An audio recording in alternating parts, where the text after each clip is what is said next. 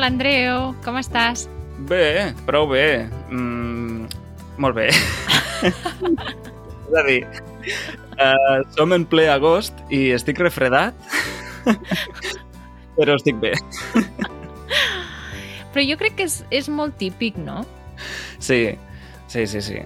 És molt típic perquè amb tants aires condicionats i així és realment molt fàcil agafar un refredat. Sí. No és Covid, perquè hi ha una prova PCR que ho certifica, però, però sí, sí, és un refredat típic d'aquests d'estiu. Normal, clar. Sí, sí, que ja fa uns dies que l'arrossego. Sí. A veure, he, he de prendre vitamina C, a veure si se'n passa. I tu què, tot bé? sí, tot bé. Hem quedat Mm. demà a Discord per parlar una estona. Ah, molt bé. Sí. Estic molt contenta perquè ara ja tenim dos grups, el del grup de principiants i el grup d'intermedi i avançat, i Mhm. la gent està molt animada en voler aprendre català i, i ens estan fent diferents propostes com, per exemple, poder fer targetes amb les paraules que van aprenent en cada xerrada. Mm. Sí, també el Henrik, un, un membre de Patreon, eh, que va venir aquí a Barcelona i el vaig conèixer en persona també, em va proposar de fer un document per recollir tot el vocabulari que va sorgint en aquestes trobades que fem al Discord Mm -hmm. i poder-lo traduir a l'instant a Ah, través de, sí, d'un document del... Bé, un document compartit mm -hmm. que tothom pot editar eh, Mhm. en directe i que et tradueix a l'instant eh, les paraules que, que hi escrius. ah, no? molt bé. Per tant, això també és una cosa nova que podem introduir i que segur que ens farà aquestes converses encara més àgils, no? Que, Sí, sí, sí. que tothom podrà entendre les paraules que diem. sí. Sí, sí. Sí, doncs, pels que no sapigueu què és Discord, és el grup de conversa que tenim. És un, un xat escrit i també de veu per tots els membres que són mecenes. I Mhm. tenim el xat escrit on expliquem la nostra vida i diferents anècdotes i també un xat de veu on quedem normalment una vegada a la setmana per parlar. Exacte. A mi m'agrada molt perquè al final sempre acabem sent gent de diferents països, no? I, per exemple, l'altre dia vam fer una trobada espontània eh, perquè jo tenia una estona lliure i vaig proposar de, de trobar-nos i fer una videotrucada i hi havia un alemany, hi havia un anglès, eh, hi havia, què més, eh, una persona dels Estats Units també. Va ser molt entretingut, la veritat, i, Mhm. i ens ho vam passar molt bé. Sí, sempre, sempre està bé perquè coneixes la vida de, de les persones que donen suport al projecte i també els ajudes a aprendre i veus que cada dia milloren i està molt bé tenir el contacte així. I aleshores nosaltres organitzem o proposem dates per fer aquestes trobades, però en el Discord tothom és lliure de proposar una trobada i en qualsevol moment per fer-la petar, sigui amb, amb nosaltres, els nadius, diguem, o també entre, entre ells, entre aprenents, que això també és una Sí, possibilitat. Sí, sí. Mhm. També, també hi ha gent que queda entre ells perquè ja s'han fet amics i llavors queden entre ells per parlar i queden al Discord, per tant. Sí, sí. Exacte. El tema del dia. I ara que parlàvem d'això dels aires acondicionats, la veritat és que quan vas a menjar a un restaurant sempre hi ha com un canvi molt brusc de temperatura, no? Perquè normalment hi vas al migdia i passes de la calor del carrer i entres a dintre del restaurant i és com un uah, que està molt fresc. Sí, sí, sí, és típic. Entres en, en un restaurant que sí està molt a gust, amb l'aire condicionat, però els canvis de temperatura al final causen aquests refredats típics d'estiu. Parlant de restaurants, um, Sílvia, tinc una anècdota relacionada Mhm. amb això, que és que l'altre dia, uh, saps la Rosalia, la famosa cantant? Sí. Doncs la Rosalia va proposar o es va oferir a les xarxes, crec que va ser a Twitter, per respondre preguntes a les persones, mm, o sigui, a la gent, així, en obert, no? Va proposar a la gent, Mhm. feu-me preguntes i jo potser us les responc. Um, I resulta que algú li va preguntar quin era el seu restaurant preferit. En va dir dos o tres i un d'ells resulta que és el meu restaurant preferit ara mateix del meu barri de Barcelona. Ah, sí? Sí, i vaig pensar, no, no, perquè ara ja anirà molta gent i, i serà molt difícil trobar-hi taula. Home, però això també va bé per ells, no? Que els hi facin propaganda. Sí, però ja és un restaurant que va molt bé perquè és un restaurant que és, és, és molt bo, s'hi menja molt bé i vaja, mm. -hmm. sempre està ple. Es diu La Panxa del Bisbe i bé, us el recomano perquè és un restaurant de cuina tradicional catalana però és d'autor. Aleshores, té un, un punt també de, diguem, cuina moderna, no? I, mm. -hmm. bé, us el recomano molt, segur que menjareu molt bé si hi aneu. Però la pregunta és, te l'has trobat mai allà, la Rosalia? No. no, no, no, no me l'he trobat. O si hi era, no la vaig reconèixer. Home, vols dir que no l'hauria reconegut? Ah, no ho sé, Sílvia, jo... Soc molt despistat per aquestes coses.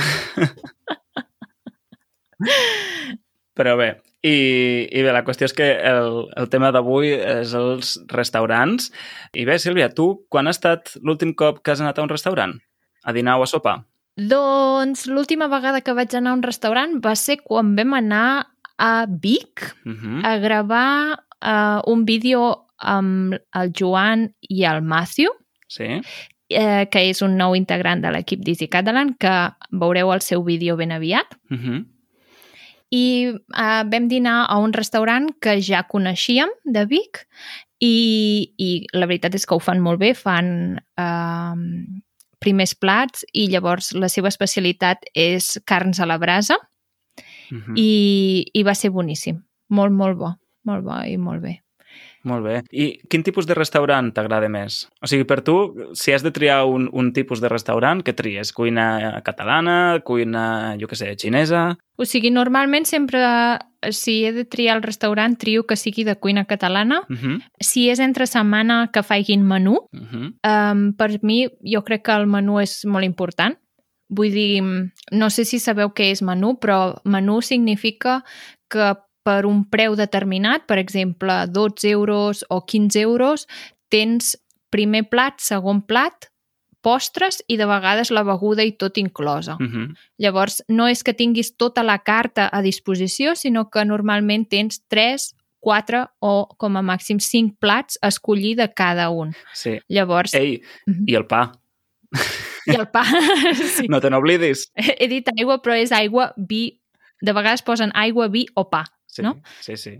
Aquí som molt de pa i, i de sucar el pa amb la salsa i acompanyar-lo, acompanyar tots els àpats amb un trosset de pa. És molt típic. Sí. sí. Llavors, si et vols demanar un refresc, doncs ja és a part, però... Mhm, mhm. o d'altres coses, si, vols, si no t'agrada alguna cosa del menú i vols agafar carta, doncs llavors és a part, no? Però, però sí, normalment sempre busco cuina catalana, que sigui un restaurant relativament petit, Mhm, eh, que tinguin menú si és entre setmana, mhm. i una cosa primordial que miro sempre és que a davant del restaurant, o sigui, abans d'entrar-hi, quan tens la carta o el menú explicant el que hi ha, que no estigui en molts idiomes. Ah, sí? Sí, quan veig que un restaurant té la carta en molts idiomes, Ah, perquè llavors saps que és, està més orientat als turistes, no? sí, És per això. Mhm, sí. D'acord. Llavors, normalment els que tenen la carta amb, no sé, 10 idiomes diferents, doncs no, no hi sol entrar. També és difícil trobar una carta en 10 idiomes, eh?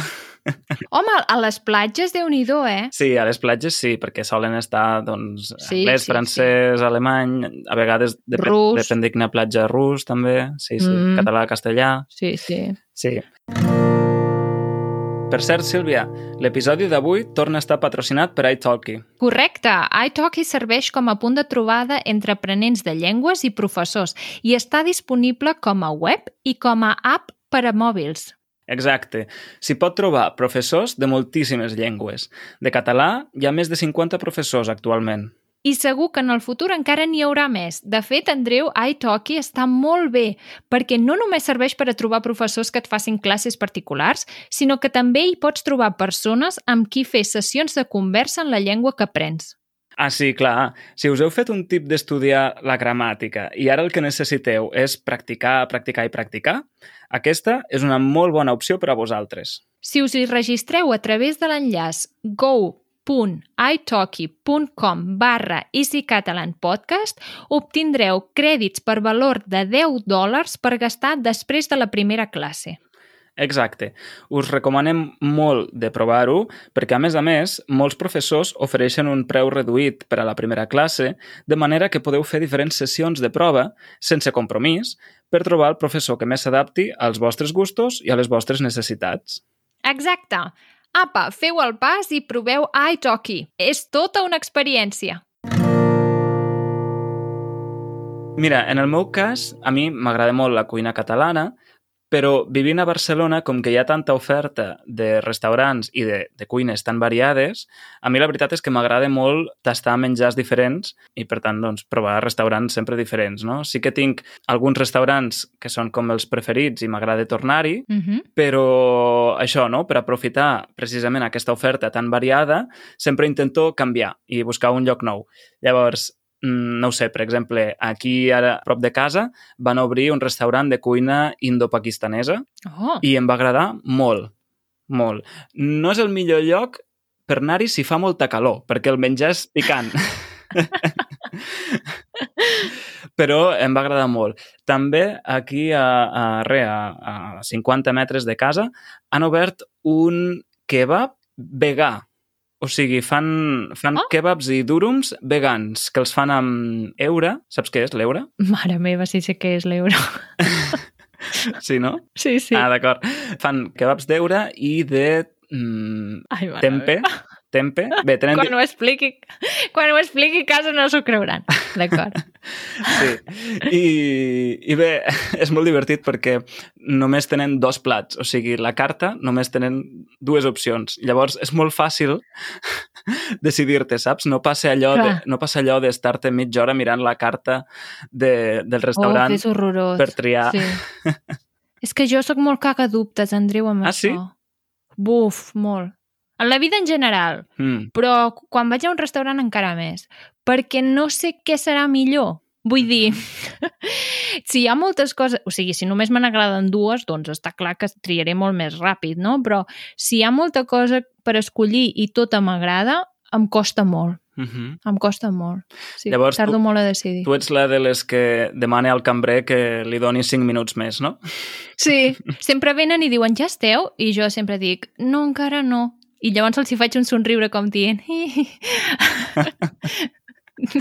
perdona. Ai, Sílvia, has fet servir una paraula que és, és molt divertida, que és cagadubtes. Sí, Un, ser cagadubtes és, és tenir molts dubtes, no? És, és, sí, és sí, no, no saber-se decidir. exacte. Mm -hmm. Sí. És que són molt escatològics, llavors diem caga, Sí, caga dubte. són cagadubtes. Mira, jo sóc cagadubtes en, en d'altres aspectes de la vida, potser, però en aquest mm, normalment no. O sigui, m'agrada fer una ullada així en diagonal per tota la carta, però precisament com que m'agrada provar coses noves, de seguida descarto totes les coses que ja conec. De veritat! Sí, o sigui, no, no és que les descarti de seguida, però mm, prefereixo buscar les coses noves, saps? Llavors, d'aquesta manera, vaig més ràpid. Som dos punts oposats, eh? De veritat, de veritat, no. O sigui... No, no, jo no sóc així. O sigui, jo busco la carta coses que ja sé que m'agraden i llavors, dintre de la varietat que sé que m'agrada, decideixo què és el que vull menjar aquell dia. Uh -huh. Mm. Doncs sí, sí, som, som molt diferents en aquest aspecte. Sí, sí, sí. Bé, i Sílvia, tu què valores més quan vas a un restaurant? És a dir, òbviament, m'imagino que el menjar, no? Però més enllà del menjar, què és el més important? Eh, L'ambient, el servei, o sigui, l'atenció per part dels cambrers, Mm -hmm. eh, el preu? No, el preu no, no és tan important. Per mi l'important és el servei. O sigui, es nota molt si un lloc, per exemple, els cambrers els tracten bé o no. Mm, Vull dir, sí. Si estan contents amb la feina o no. Uh -huh. Uh, perquè ells també transmeten una mica l'ànima del restaurant, no? Vull dir, si estàs content amb la feina i tot, doncs et, et tractaran d'una manera o d'una altra. Uh -huh. Jo sóc d'una manera, que no sé si tu, Andreu, també ho ets, però jo sí, i és que quan tinc gana i no tinc menjar, Estàs de mal humor. em poso de molt mal humor. Jo no, jo no. Estic de molt mala lluna. I llavors, si ja anem a dinar tard, per exemple, imagineu-vos que ens n'anem a un restaurant, i anem a dinar tard, que ja potser són les dues o dos quarts de tres, i a sobre tarden molt a portar-nos el menjar, Sí, això, això a mi tampoc m'agrada, eh? que em facin esperar massa. no m'agrada gaire. No m'agrada gaire. Mm. Potser és això és el que valoro més. Mhm. I tu, Andreu, què sembla que és més important d'un restaurant? Doncs, a part del menjar, òbviament, per mi l'ambient del restaurant Uh -huh. i, però clar, el servei va lligat a l'ambient, no? Perquè si, si hi ha un mal servei, doncs eh, l'experiència, l'experiència que tu puguis tenir en aquell Mm. local, en aquell establiment, doncs mm, serà una o serà una altra, no? Sí. Però, però em refereixo, doncs, per exemple, a la decoració, la il·luminació, tot això també ho tinc en compte i, Ah, i sí, o sigui, un restaurant que estèticament mm, sigui lleig, doncs potser no serà una opció prioritària per mi, no? Encara, ah bé. encara que el menjar sigui bo. Per exemple, aquí al barri, no diré el nom, no? però hi ha un restaurant de cuina típica espanyola, de tapes, que, francament, les fan molt bones. M Ah. Molt bones. Però el local és, és eh, sòrdid, per dir-ho d'una manera. O sigui, és, Però, és el típic local mm, Sí, sí. que bruteja, no? Que um, Sí. no, no hi acabes d'estar còmode. Potser, potser no, no, no el conec, eh? Potser no broteja, però les coses són tan antigues que ja et porten a aquell ambient, no? Sí, sí, sí. O sigui, ja est estèticament no és atractiu. Ja, ja sé què vols. Mm -hmm. Mm -hmm. Llavors, bé, doncs per mi també és, també és important això, l'ambient en tot el conjunt, pel que fa al servei, però també pel que fa doncs, a l'estètica del, del local, no? Mm -hmm. Sí, I una pregunta. Has dit que aneu sovint a provar diferents restaurants de, de Barcelona mm -hmm. I aneu a dinar o a sopar? Normalment a sopar, Ah, sí. D'acord. Normalment a sopar. I alguna vegada a dinar. però per tant, a sopar llavors ja és al cap de setmana o és entre setmana? No, si és entre setmana, ens agafem el menjar per emportar. O sigui, el- Ah, l'encarreguem i que ens el portin a casa o, o l'anem a buscar nosaltres. Mm I al cap de setmana sí que preferim sortir. Ah, molt bé. Sí, sí, sí. Ah, i mira, relacionat amb això, hi ha un tema que és el... Ves, quan, quan sortim a sopar, no? Mhm. eh, moltes vegades cal reservar taula, Sí. no? I, doncs, eh, havia pensat que avui podríem simular algunes converses telefòniques sobre com reservar taula en un restaurant en català perquè la gent que ens escolti sàpigui fer-ho. Això és molt útil, eh? Mm. Perquè quan ho has de fer en una llengua estrangera, o sigui, que no és la teva, i a sobre per telèfon... Exacte, que per telèfon no tens els recursos visuals no? que et permeten Ja. acompanyar mm, allò que dius, no? Sí. sí, sí, sí. Per tant, què et sembla, Sílvia? Fem, Sí, sí. fem unes proves? Va, Vinga, doncs ara farem una primera conversa telefònica en què reservem una taula. restaurant La Cullera, bon dia. Bon dia, trucava per reservar taula. Molt bé, per aquesta nit? Sí, per sopar. D'acord, per a quantes persones seria? Per a dues persones. Perfecte, a quina hora? Um, cap a dos quarts de nou, podria ser? Sí, i tant. A quin nom, si plau? A nom d'Andreu. Andreu, perfecte. Avui a dos quarts de nou del vespre, doncs. Sí, moltes gràcies. Adeu. Molt bé, en aquesta conversa veieu que ha sigut tota en català i que no hi ha hagut cap problema, no? Uh -huh. Vull dir, ha sigut una conversa fluida en què ens han demanat eh, una informació determinada, que és quan volem reservar, per a quantes persones, a quina hora i a quin nom fer la reserva. Sí, normalment són les quatre preguntes que et solen fer. Sí, aquesta seria una trucada estàndard. Uh -huh. Molt bé. Fem una segona conversa en què passi alguna cosa. Restaurant El Calçot, digui'm. Bon dia, voldria reservar una taula per dinar. Per dinar ho tenim tot ple, em sap greu. Ui, perdoni, no l'he entès. Que podria parlar més a poc a poc, és que sóc aprenent de català. Ah, i tant, perdona. Avui per dinar no tenim cap taula lliure. Ah, no hi ha cap taula. D'acord, d'acord. I demà per dinar podria ser? A veure, per a quantes persones seria? Eh, serem quatre persones. Quatre persones... Sí, cap problema. A quina hora vindreu? Vindríem cap a les dues. Molt bé. Quatre persones a les dues. A quin nom fem la reserva? A nom de Sílvia. Molt bé, doncs ja ho tenim, Sílvia. Genial, gràcies. Adeu. Adeu, bon dia. Bé, en aquesta conversa hi ha hagut dos entrebancs, que són... Que parlava massa ràpid i no el podia entendre. Exacte, i llavors la Sílvia el que ha fet és demanar a la persona del restaurant si pot parlar més a poc a poc i li ha dit que és aprenent de català, no? Uh -huh. Jo crec que dir-ho mm, és important perquè d'aquesta manera doncs, generem més empatia, no? I, Exacte. i la persona es pot posar més en, en la nostra pell d'aquesta manera i parlar més a poc a poc. La veritat, Andreu, és que hi ha moltes vegades que hi ha entrebancs. Vull dir, una conversa fluida de vegades no és així. Vull dir, quan parles per telèfon pot ser que hi hagi un tall en la connexió o que no, no ho sentiu del tot correcte o que hi hagi so ambient, no? que hi Mhm. hagi com un soroll ambiental i llavors no puguis acabar-ho de sentir del tot. Vull dir, és molt, molt normal haver de dir que m'ho pots repetir? Ho, ho pots tornar a dir que no té sentit? Exacte. Sí, sí. Per tant, està molt bé conèixer fórmules de petició, de saber com demanar que ens repeteixin allò que han dit, no? Per tant, podem, Mm. podem dir que pot repetir això últim o com diu? No l'he entès. Exacte.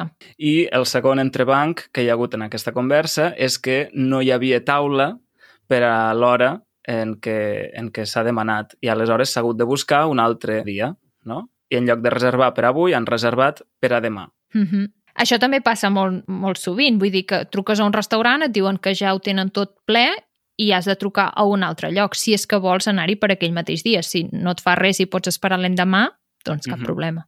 Molt bé, i ara passem a una tercera conversa uh, una mica diferent. Hola, bon dia. És el restaurant La Mar? Hola, buenos días. Sí, restaurante La Mar. Volia reservar una taula per a tres persones. Una mesa para tres, ¿vale? ¿Para cuándo? Per a demà al migdia. Para mañana. Sí, per a demà al migdia, cap a les dues. Mañana a las dos, tres personas. Perfecto. ¿Cuál es tu nombre, por favor? A nom de Sílvia. Muy bien, Silvia. Hasta mañana. Fins demà, adeu. Què ha passat en aquesta conversa? Andreu, què t'ha passat? doncs, doncs això també és una conversa molt típica. Vull dir que cadascú parla la llengua que li va millor. I com que els dos podem entendre les dues llengües, doncs cadascú es manté amb la seva. Sí, sí, sí.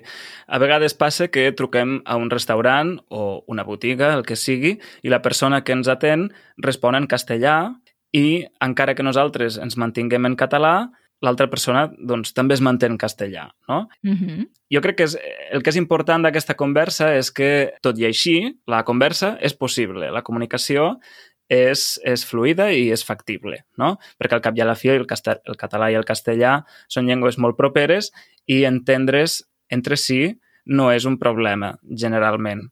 D'acord?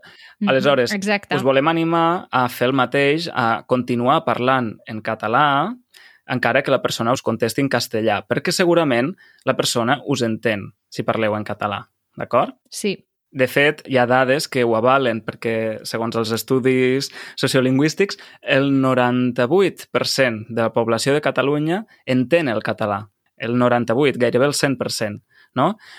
Una altra cosa és la gent que el sap Mhm. parlar o que el parle habitualment. Però si, Exacte. si sabem, si tenim en compte que pràcticament el 100% de, de Catalunya, de la població, entén el català, doncs podem adreçar-nos tranquil·lament a tothom en aquesta llengua. L'expressió de la setmana. Ai, doncs ara, tant parlar de restaurants, m'ha vingut una mica de gana. Ah, sí? Sí, i crec que hauré d'anar a picar alguna cosa per matar el cuc. Oh, matar el cuc! És una expressió que jo no la vaig servir. Mira. Doncs és, és una expressió que vol dir um, fer passar la gana quan tenim una mica de gana, o sigui, potser quan no és l'hora de dinar ni l'hora de sopar, potser és a mig matí, a, mig, a mitja tarda, i tenim una mica de gana i volem menjar alguna coseta, no? Volem fer un mos eh, i menjar, no sé, un gelat o una peça de fruita o qualsevol cosa, un granissat, per matar el cuc, no? O una llesca de pa. Sí, sí, sí. Sí, però jo crec que matar el cuc és més aviat menjar alguna cosa així com, com has dit tu, Sí. picant, no? Més aviat que tens com un... Sí, com un cuc, o sigui, com un... alguna cosa a la panxa que et diu, va, i si et menges... I és alguna cosa dolça, vull dir, normalment és per fer el gourmand, no és per... Sí, dolça o, o salada, eh? Perquè... O salada, o salada, sí, però vull dir, no és allò que diguis, anem a fer un esmorzar, no? Perquè potser no havies esmorzat prou, o... no, no, no, o sigui, és picar. Exacte. O sigui, matar el cuc no és fer cap àpat pròpiament. No. no, és, no és tampoc ni berenar ni esmorzar. És picar, picar alguna coseta, sobretot satisfer la gola, que no és gules, sinó gola. De veritat, Andreu. Sí, sí, sí. Però i, i golafre? S'escriu golafre. Ah. Doncs això, no? Matar el cuc és sobretot quan és, és, per, és per gola, és quan tens aquella gana que no és pròpiament gana, si- sinó que és com un capritx. Exacte, No? que ets un golafre i vols menjar alguna cosa. Exacte. Jo sóc una mica golafre, eh? això ho he de, ho he de confessar. Jo vaig a setmanes. Hi ha setmanes que sí, hi ha setmanes que no. I una altra expressió que ara m'ha vingut al cap és uh, haver-n'hi per sucar i pa. Sí, n'hi ha per sucar i pa. Abans que parlàvem del pa i, i que som, som molt panarres, ser, ser panarra vol dir que t'agrada molt el pa, no? doncs No acabarem mai avui amb les expressions. no acabarem mai. Bé, doncs haver-n'hi per sucar i pa ho diem quan una cosa dona molt de sí i és molt divertida o és molt entretinguda o... no? Sí. Per exemple, no sé, en quin cas podries fer servir tu haver-n'hi per sucar i pa, Sílvia? Doncs, per exemple, si algú t'explica alguna xafarderia, Uh -huh. no? i tu vols encara escoltar-hi més no? i saber més i més i més sobre la història aquella, doncs n'hi ha per sucar i pa, no? Vol dir que, que hi ha molt, molt de marro, no? que hi ha molt... Sí, que és per, per gaudir-ne, no? Per passar-s'ho bé i passar-hi una estona...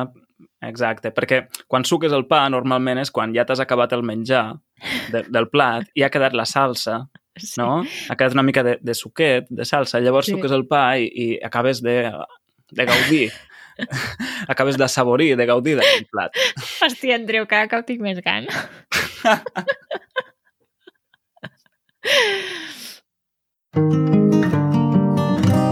Easy Catalan recomana.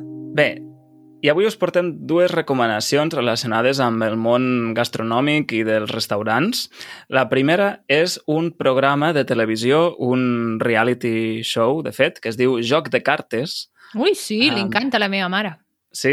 Sí. Doncs jo la veritat és que mm, no n'he vist gaires eh, capítols, gaires episodis, n'he vist alguns. Mhm. eh, és entretingut, la veritat és que ho és, i aquest és un, és un programa en què competeixen en cada episodi quatre restaurants de la mateixa zona i del mateix tipus de cuina. D'acord? Aleshores, els propietaris de cada restaurant van a dinar als restaurants dels contrincants i després fan de jutges en la votació del final per a decidir quin és el millor restaurant. Mm. D'acord? Aleshores, en la votació es valora la gastronomia, òbviament, però també l'espai, el servei, la cuina i el preu. I aleshores, doncs, per posar uns exemples, tenen episodis com ara el millor restaurant de calçots o el millor restaurant mariner de Barcelona, no? per Mm. menjar marisc i peix. O el millor restaurant rural o el millor restaurant d'arrossos de l'Ebre i del País Valencià. Sí. Aquí van fer la, el, bueno, van fer un programa especial. Mhm. No sé si ho saps amb aquest, eh? Que, que van fer el programa de Catalunya i el programa del País Valencià. Perquè allà també n'hi ha un. Sí. No? Mhm. I llavors van competir a veure qui guanyava. I van ajuntar com les dues cadenes per fer aquest programa. Ah, doncs mira, no l'havia vist. No, Sí. no, no l'he vist aquest episodi, ja el miraré. Sí. I el que és interessant també, a part dels episodis pròpiament, és que en la web del programa hi ha una guia de restaurants i allà hi surten tots els restaurants que han, que han sortit al llarg dels episodis i de les diferents temporades del programa i els pots filtrar segons tipus de restaurant, segons zona, no? I- Ah, això no ho sabia, veus? Sí, sí, sí, està molt bé. Vull dir, tenen una guia pròpia de restaurants catalans i, i bé, doncs penso que està molt bé per conèixer gastronomia variada i de tot el territori. Sí, la veritat és que sí. I a més a més, els restaurants, tot i que allà fessin competicions i posessin notes, no? I, i sempre anaven a veure si podien guanyar per posar una nota més baixa en els altres, etc etc. la veritat és que són restaurants impressionants tots. Sí. Vull dir, no és que, que competeixi un que és molt bo contra tres que són molt dolents. No, no, no. O sigui, Mhm. tots són boníssims, vull dir. Exacte, sí, sí. I vaja, que és, és un programa entretingut, al cap i a la fi, és un reality en què hi ha rivalitat, molta Sí, rivalitat sí. entre els, entre els xefs i propietaris dels restaurants I ploren, i s'escridassen, i ho fan sí, de tot. sí, sí. N'hi ha per sucar i pa. sí o no? Sí, sí. Sí, perquè de vegades dius, mare meva, Mhm. què estan fent? No? Perquè Exacte. dius, tampoc n'hi ha per tant. Exacte. Doncs la segona recomanació va relacionat amb la revista Time Out Barcelona, que potser ja la coneixeu perquè hi podeu trobar moltes activitats i esdeveniments que fan Mhm. en, en l'actualitat, o sigui, vas a l'agenda i et pots trobar les diferents activitats que fan a, a, a Barcelona i també ho tenen a d'altres ciutats. Mhm. I també tenen articles relacionats amb restaurants i bars. Exacte. Eh, Time Out Barcelona és un magazín cultural de la ciutat de Barcelona, tot i que també n'hi ha mm, d'altres ciutats del món. Em sembla que hi ha Time Out Nova York i Sí. Time Out Londres, no? Però, Mhm. bé, doncs hi ha la, la versió específica eh, de Barcelona i doncs, com has dit, a través d'aquesta revista, d'aquest magazín digital, et pots assabentar de molts esdeveniments diferents de la ciutat, Mhm. concerts, mm, teatres, uh, obres de teatre, um, exposicions, sí. fins i tot mercats, no? mercats Sí, a l'aire sí, a sí, l'aire sí. lliure, mercats de segona Mm. mà... Mm. Tot, eh, és un magazín d'actualitat cultural i té una secció específica dedicada als bars i restaurants. No? I, per exemple, tenen un article titulat Els 50 millors restaurants de Barcelona, que podeu consultar si veniu a la ciutat i no sabeu on, on anar a dinar. Mhm. O els millors restaurants de cuina catalana a Barcelona, també, que també és útil. O fins i Mhm. tot els, millors, els millors llocs per fer l'aperitiu, no? per fer el vermut. Ah, que per anar a fer un bon vermut, molt bé. Exacte, que ara està tan de moda fer el vermut, no? Mm -hmm. I fer, Mhm. fer el vermut és, eh, bé, prendre alguna beguda fresca, normalment vermut, però no necessàriament, també pot ser, jo què sé, una Coca-Cola, un suc de pinya, el que una aigua amb gas, qualsevol cosa, i ho acompanyem d'una tapeta, d'una tapa d'alguna cosa, no? Unes Mhm. croquetes, Olives, unes olives... patates braves, Uh -huh. coses... coses, poc saludables, però molt bones. boníssimes. Exacte. Doncs us recomanem molt aquesta revista, Time Out Barcelona, per, per això, per tota la part gastronòmica, però també cultural. Sí. Molt bé, i amb això jo crec que ja ho podem deixar aquí i jo me n'aniré a la nevera per fer Jo matar el també. cuc. Jo també, que ja tinc una gana. molt bé, Sílvia. Que vagi molt bé. Que vagi molt bé. Ens veiem aviat. Adeu. Adeu.